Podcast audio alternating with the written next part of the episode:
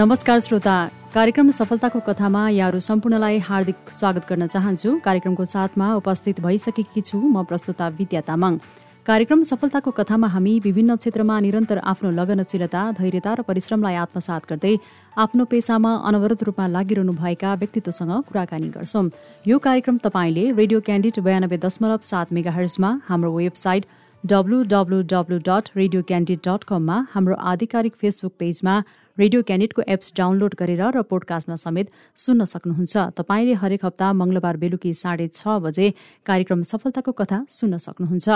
आजको कार्यक्रममा हामीसँग हुनुहुन्छ विगत नौ वर्षदेखि काठमाडौँको गोकर्णेश्वरमा सालका अर्ग्यानिक फार्मका सञ्चालक आङ फुर्बा शेर्पा जो कृषि सम्बन्धी वैदेशिक रोजगारीमा गई पुनः नेपालमा केही गर्छु भन्ने अठोटका साथ फर्केर आई यहाँ कृषि फार्म सञ्चालन गर्दै आउनु भएको छ। कार्यक्रममा म उहाँलाई स्वागत गर्न चाहन्छु।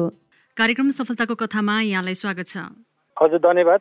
अचेल चाहिँ अब हाम्रो यस कृषि फार्ममा यहाँले के के लगाइरहनु भएको छ? हामीसँग त अहिले गाई फार्म अनि अर्ग्यानिक तरकारी अनि वर्मी कम्पोस्टहरू वर्मी कम्पोस्ट अनि गरेला मलहरू छ।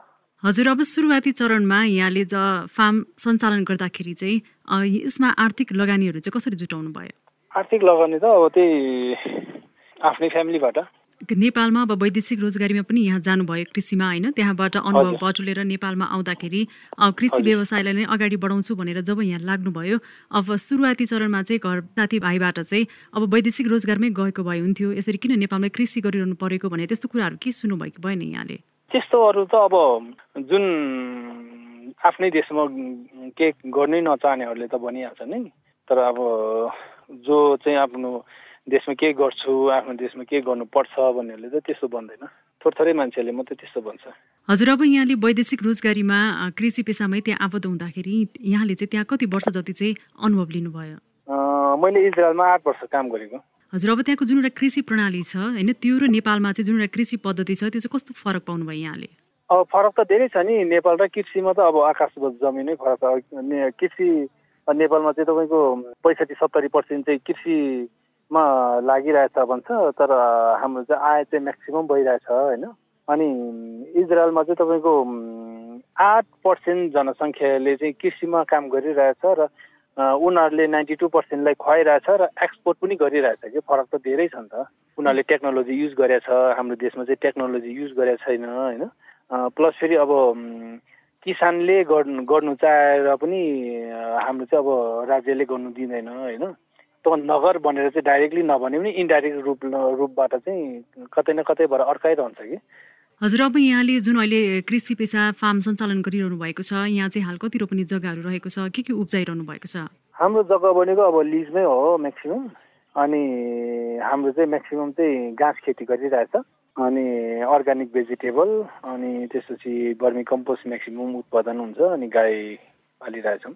हजुर यहाँले भन्नुभयो अर्ग्यानिक तरकारी खेतीहरू हामीले लगाइरहेका छौँ। तरकारी खेतीहरूमा चाहिँ के के लगाइरहनु भएछ अहिले? तरकारी खेतीमा त सिजनल सि सिजनल ऊहरू भेजिटेबलहरू टनेलमा। हजुर अब सिजनल तरकारी छ एकातिर गाई फार्म पनि पाल्नु भएको छ होइन? गाई फार्मको लागि अब जुन एउटा दुधहरू छ त्यसलाई बजारमा बिक्री गर्नका लागि चाहिँ यहाँले कहाँ कहाँ स्टोरहरूमा लानु भइरहेको छ हाम्रो म्याक्सिमम् चाहिँ होम डेलिभरी हुन्छ। अनि त्यसपछि हाम्रो चाहिँ आउटलेट पनि बौद्ध अनि यहाँ तिनचुली आरुबारी अनि यो कपनतिर छ। हजुर अब यहाँको जुन एउटा तरकारीहरू यस फार्ममा उब्जाउ हुन्छ यसलाई चाहिँ अब आफ्नो जुन एउटा कसरी बजारीकरण गर्नुहुन्छ यहाँले? तरकारी चाहिँ कस्तो भने फर्स्टमा चाहिँ मैले तरकारी सुरु गरेको थिएँ तर दुई हजार सत्तरी सालमा चाहिँ अब खासै त्यो कृषिमा चाहिँ सरकारको पनि त्यति ध्यान दिएको थिएन अनि त्यो बेला चाहिँ म्याक्सिमम् आयात हुन्थ्यो। आयात हुँदाखेरि चाहिँ अब हाम्रो हामीले चाहिँ इन्डिया को रेटमै बेच्नु पर्ने कि? अहिले पनि त्यही छ अब पहिला पनि त्यस्तै थियो। अनि त्यो भएको हुनाले मैले तरकारीलाई घटाएर चाहिँ अब गाईतिर गाईलाई बढाएँ। हजुर अब यहाँले गाईलाई अलिकति पशुपालनतिर बढी केन्द्रित हुनुभयो भन्नुभयो। अहिले चाहिँ कतिको सङ्ख्यामा चाहिँ गाईहरू रहेको छ यस फार्ममा? हाम्रो त्यही एक सय पैँतालिस पैँतालिस पचासहरू जति छ। यति सङ्ख्यामा गाई हुँदा हुँदै अब यसलाई व्यवस्थापन गर्नको लागि पक्कै पनि जनसङ्ख्याको आवश्यकता पर्छ। कसरी त्यसलाई व्यवस्थापन गरिरहनु भएको छ यहाँले? जनसङ्ख्याको म्याक्सिमम् समस्या हाम्रो देशमा छ होइन? र बेरोजगार पनि हाम्रो देशमा म्याक्सिमम् छ भन्छ तर हामीले स्टाफ खोज्दा चाहिँ पाउँदैन। अनि हामीले चाहिँ म्याक्सिमम् चाहिँ आधुनिकरण युज गरेछ। जुन अब मान्छे कम लाग्ने अब ठुलो जुन अब इजरायलमा चाहिँ हामीले देखेको चाहिँ अब तिन सय चार सयवटा गाई पालनमा चाहिँ दुईजना तिनजनाले काम गर्दो रहेछ होइन? अनि यहाँ चाहिँ हाम्रो एक सयवटा गाई पाल्नुलाई तपाईँको आठ दसजनै चाहिन्छ। अनि त्यो भएर चाहिँ हामीले एउटा औ के अरे आधुनिकरण जुन अब दुध दुनियाँहरू चाहिँ हाम्रो मिल्किङ पार्लरले हुन्छ होइन? दुध दुने ऊ छ मिसिन छ अनि फेरि अब त्यो सानो स्केलको किसानले गर्नुको लागि चाहिँ बकेट मिल्किङ पार्लरहरू हुन्छ। हजुर अब यो जुन एउटा पशुपालन गरिरहनु भएको छ यहाँले अब त्यसमा थप वृद्धि गर्ने क्रममा पनि हुन्छ। यसमा चाहिँ आर्थिक स्रोतहरू आम्दानीको स्रोतहरू चाहिँ यहाँले कस कस्तो पाउनु भएको छ अहिले? आर्थिक स्रोत भन्नाले अब म्याक्सिमम् त अब हामीले लोनै लिनुपर्छ। यो खासै अब सस्टेनेबल भनौँ के भन्नु अब यसलाई? के अरे सर्भाइभ गर्नु चाहिँ गाह्रो कि? अनि त्यो लोन लिने अब चल्नु त चलिरहेछ कि अब त्यो त्यति राम्रो चाहिँ भन्नु मिल्दैन यसलाई। हजुर यहाँहरू अब यसरी व्यवस्थापन गर्नको लागि आफ्नो घर परिवारको सदस्यहरू मात्रै हुनुहुन्छ कि? अघि यहाँले पनि भन्नुभयो व्यवस्थापन गर्न चाहिँ आफूहरू मात्रै खटिरहनु भएको छ कि? अरू सहयोगीहरू पनि राख्नु भएको छ? मेन मेन ठाउँमा आफ्नै फ्यामिली हुनुहुन्छ के अरे? दिदी दाईहरू बिताजुहरू सबै हुनुहुन्छ। अनि त्यसपछि जुन नर्मलमा चाहिँ अब स्टाफहरू राखेको छ। हजुर अब पशुपालन आइसकेपछि अब घाँसहरू चाहिँ कसरी उपलब्ध गराउनुहुन्छ यहाँले? दाना फ्याक्ट्री हाम्रो आफ्नै छ। हजुर। अनि लगभग असी तिरासी रोपन जतिमा चाहिँ हामीले घाँस खेती गरिरहेछौँ जुन घाँस खेतीबाट चाहिँ हामीले अलि प्लस पोइन्ट पाइरहेछौँ के अरे त्यो दाना धेरै नखुवाउँदा चाहिँ अब घाँस दुध पनि अलिक टेस्ट हुने प्लस दुधको उत्पादन पनि बढी हुने प्लस गाई पनि धेरै बिरामी नहुने त्यो भएर चाहिँ अलिक सजिलै भइरहेछ। अब आउने दिनहरूमा चाहिँ के समस्या देखिरहेछ भने अब जुन सहरीकरण छ नि त सहरी सहरीकरण एकदमै बढिरहेको हुनाले चाहिँ अब भविष्यमा चाहिँ अब हाम्रो पुस्तासम्मले चाहिँ खानु पाउँला यो काठमाडौँमा होइन?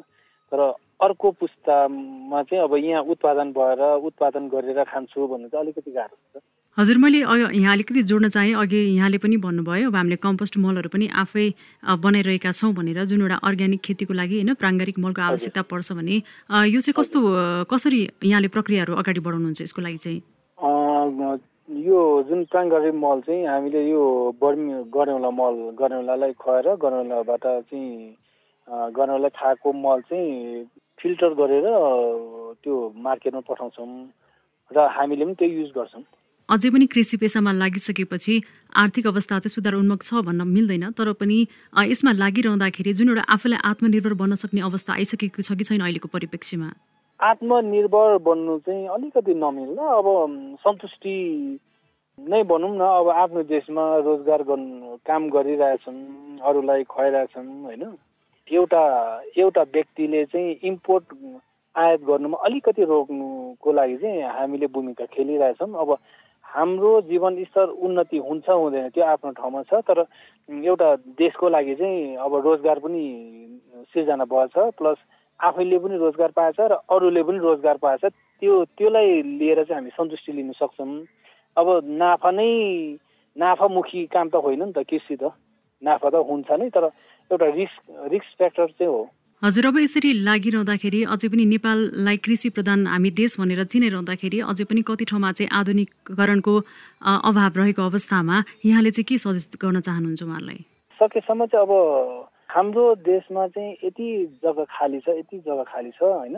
त्यो ठाउँ चाहिँ कुनै भूमाफिया अथवा कुनै सरकारी जग्गा कुनै कुनै न कुनै मान्छेले चाहिँ ओगटिरहेछ कि त्यहाँ चाहिँ न काम गर्नु दिएछ न उत्पादन गर्नु दिएछ अनि त्यो जग्गाहरू चाहिँ सकेसम्म जुन किसानको ग्रुपहरू हुन्छ अथवा किसानले चाहिँ काम गर्नु चाहिरहेछ त्यो जग्गाहरू दिलाइदियो भने अलिकति सस्टेन हुन सक्ला मेरो आफ्नो विचारमा होइन?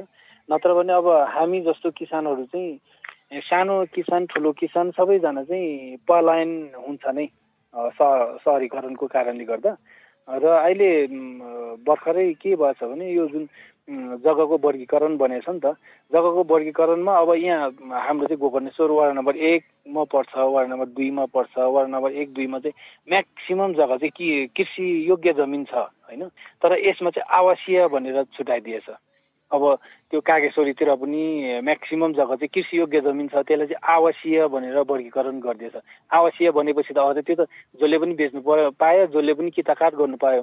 यो योहरू चाहिँ माथिल्लो स्तरको जुन राज्य प्रणालीबाट चाहिँ चलिरहेछ त्यो त्योबाट चाहिँ यसलाई चाहिँ रोकेर चाहिँ यो कृषियोग्य जमिनलाई चाहिँ जस्तोको तस्तै राख्यो भने चाहिँ आउने पिँढीले पनि खानु पाउँछ होइन?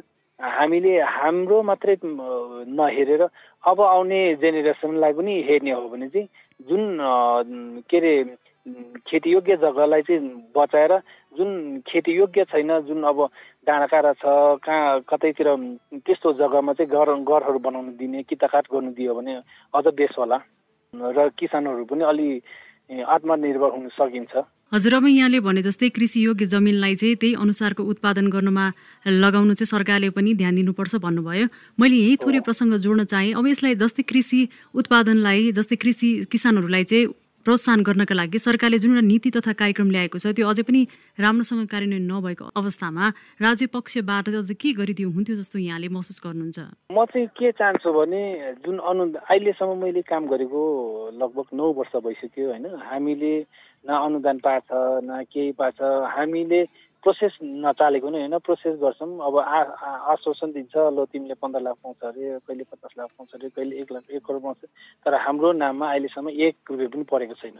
एक रुपियाँ भने अब कहिलेकाहीँ म्याटहरू दिन्छ दिए जस्तो गर्छ कि। त्यो केलाई कनिका छरेको भन्छ नि त्यस्तै। अनि राज्यले चाहिँ हामीलाई के गरिदिए जस्तो लाग्छ भने जुन अब बिउ बिजनहरू टाइममा उपलब्ध गराइदियो भने होइन। जुन अब जग्गाहरू हुन्छ अब लिजमा लिइसकेर हामीले त्यत्रो इन्भेस्ट गरि गरिसकेको हुन्छ। तर हाम्रो लगानी नउठ्दा उठ्दै त्यो ठाउँमा चाहिँ प्लटिङ आउँछ। अरूले जग्गा अरूले घर बनाउँछ अरूले विरोध गर्छ। त्यो ठाउँहरू चाहिँ जुन हामीले काम गरेको जग्गामा चाहिँ कम्ती कम्तीमा पनि बिस वर्ष तिस वर्ष चाहिँ हामीले काम गर्नु पायो भने हामीलाई केही चाहिएन अनुदान पनि चाहिएन केही पनि चाहिएन। जुन जग्गा मात्रै हामीलाई उपलब्ध गराए पनि हामी उत्पादन गरेर हाम्रो देशमा उत्पादन गर्नु सक्छौँ। यति मात्रै गरिदिए पनि हुन्छ। अब जुन अहिले अनुदान कटाएको छ अनुदान कटाएको राम्रो हो। जुन ओरिजिनल किसानलाई चाहिँ दितोमै दिए पनि जिरो पर्सेन्ट नभए पनि वान टू पर्सेन्टमा दिएर उनीहरूलाई कृषिमा लगानी गरिदिने। त्यो अनुदान होइन त्यो ऋण उनीहरूले तिर्छ तर पाँच वर्षको होइन दस वर्षसम्म बनाइदियो भने अझ राम्रो हुन्थ्यो होला।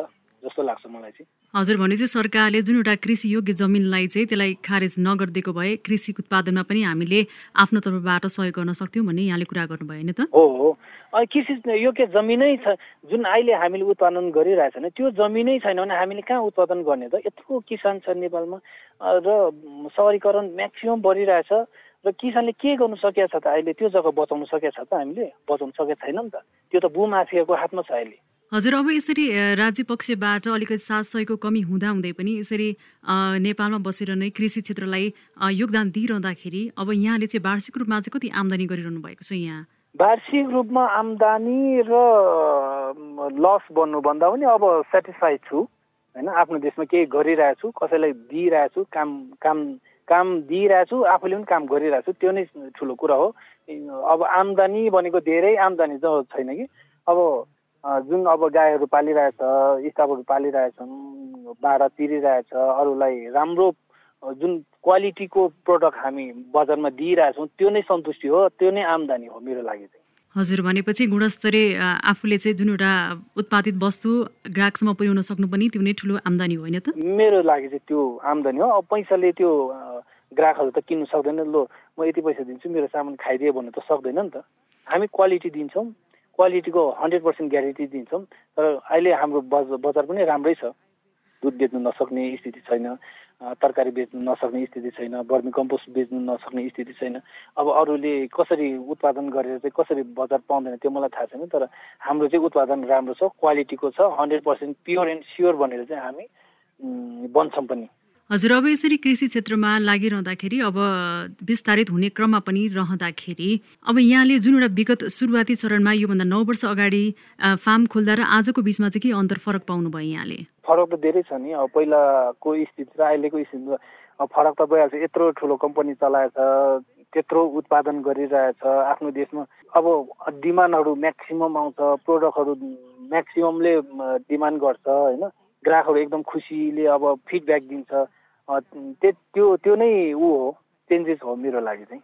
हजुर अब धेरै जसो हाम्रो नेपालमा कृषि प्रणाली गर्नेहरू जो नयाँ भर्खर आउनु भएको छ उहाँहरू चाहिँ कस्तो हुनुहुन्छ भने यो पेसा अँगाल्दै गर्दाखेरि कहिलेकाहीँ चाहिँ अब नाफाघाटाको कुरा आउँदाखेरि होइन धैर्यता धैर्यता हुन नसक्दाखेरि चाहिँ यसमा चाहिँ अब आर्थिक रूपमा सबल हुने अवस्था छैन भनेर उहाँहरू निराशामय वातावरणतर्फ बाटोतर्फ जानुहुन्छ होइन? उहाँहरूलाई चाहिँ के भन्न चाहनुहुन्छ? अब कृषि पेसा भनेको त्यस्तै हो। मैले अब त्यसमा मोडेर कुरा गर्नु चाहिँ सकिँदैन कि। अब कृषिमा सपोज एउटा टमाटर रोप्यो भने त्यो उम्रिनुलाई लगभग पन्ध्र दिन लाग्छ र त्यो अलिकति त्यो ठाउँबाट नर्सरीबाट अर्को ऊ के अरे हाम्रो टनेलमा सार्नुलाई तपाईँको एक महिना पछि मात्रै सार्नु मिल्छ। तर एक महिना पछि सारेपछि त्यो उत्पादन लिनुलाई मिनिमम भनेको तपाईँको सत्तरी दिन लाग्छ। सत्तरी दिनपछि त्यो टमाटरबाट उत्पादन पाउँछु कि पाउँदैन? भने त्यो नै ग्यारेन्टी हुँदैन किसान उँभो लाग्छ भने त के को ग्यारेन्टी छ र यहाँ? तर पनि हामी किसानले के चाहिँ सन्तुष्टि लिन सक्छौँ भने मेरो परिवारलाई मैले उत्पादन गरेर मैले यहाँ दिइरहेछौँ र अरूको परिवारलाई पनि यहाँ दिइरहेछौँ उत्पादन बेचिरहेछौँ हामीले पनि खाएछौँ उनीहरूले पनि क्वालिटीको खाएछ भने म चाहिँ त्यो सन्तुष्टि लिन्छु होइन? अब अरूलाई त मैले के भन्नु खै निरन्तर यो पेसामा लागिरहँदाखेरि जीवनमा सफलता भनेको चाहिँ के जस्तो लाग्यो यहाँलाई? अहिलेसम्म आउँदाखेरि अब हामीले सानोबाट सुरु गरेको लगभग अहिले हामीसँग एक सय चालिस पचासवटा चाहिँ गाई छ। यो सबै भनेको सफलता नै हो जस्तो लाग्छ अब। नाफा मुखी नभए पनि थोर थोरै नाफा हुन्छ तर आफूले म्यानेजमेन्ट गर्नु सक्यो भने सर्भाइभ चाहिँ हुन्छ नै।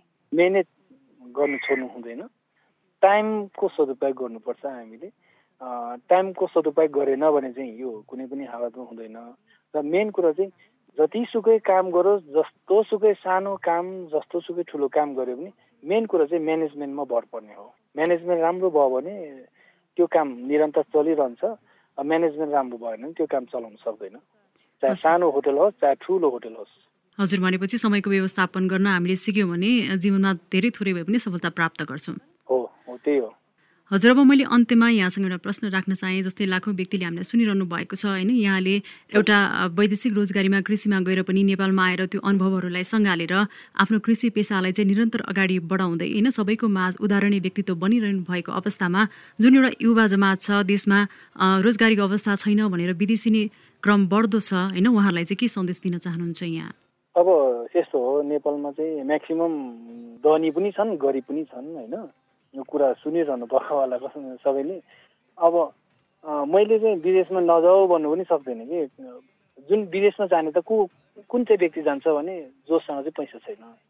अब विदेशमा नजाऊ भन् नजानु अब हाम्रै देशमा चाहिँ केही रोजगार गर्नु अथवा कुनै काम गर्नु काम सुरु गर्नु भन्दा त उनीहरूसँग त पैसा चाहियो होइन? हाम्रो सरकारले कमसेकम आठ दस लाख मात्रै दिए पनि कुनै न कुनै म जस्तो युवाले थोरै बाख्रा पाल्ला थोरै गाई पाल्ला होइन? गाई गाईमा त पोसिबल छैन दस पन्ध्र लाखले होइन? तर बाख्रा त पोसिबल हुन्छ बुङ्गुरहरू पोसिबल हुन्छ कुखुराहरू पोसिबल हुन्छ। सकेसम्म विदेश जानुभन्दा आफ्नो देशमा बसेर आफ्नै गाउँमा बसेर भए पनि थोरै भए पनि उत्पादन गरेर त्यो चाहिँ बजारमा पठाउन सक्यो भने होइन? त्योबाट पनि हामी सस्टेन हुन सकिन्छ सर्भाइभ हुन सकिन्छ। अब विदेशमा गएर त्यो एउटा फ्यामिलीबाट एकजना गएर उसले पैसा पठाउँछ होइन? अब यहाँ भएको मान्छेले पनि काम गरेर त्यो पैसा चाहिँ बचाइराखेर यहाँको फ्यामिलीलाई चाहिँ यहीँको मान्छेले पाल्यो भने त्यो पैसाले चाहिँ एक दुई वर्षपछि हामीले इन्भेस्ट गरेर काम गर्नु चाहिँ सकिन्छ है? व्यस्तताको बावजुद पनि यहाँले हामीलाई समय उपलब्ध गराइदिनु भयो आफ्नो कुराहरू आफ्नो जीवनका आरो अब्रहरू हामीसँग राखिदिनु भयो यहाँलाई धेरै धेरै धन्यवाद। धन्यवाद। आजको कार्यक्रम सफलताको कथामा हामीले विगत नौ वर्षदेखि काठमाडौँको गोकर्णेश्वरमा अवस्थित सालका अर्ग्यानिक फार्मका सञ्चालक आङफुर्बा शेर्पासँग कुराकानी गर्यौं। कार्यक्रम सुनेपछि तपाईँ सम्पूर्णलाई पनि प्रेरणा मिल्यो होला भन्दै प्राविधिक मित्र गणेश श्रेष्ठसँगै म प्रस्तुता विद्या तामाङ पनि कार्यक्रमबाट विदा हुन्छु। नमस्कार।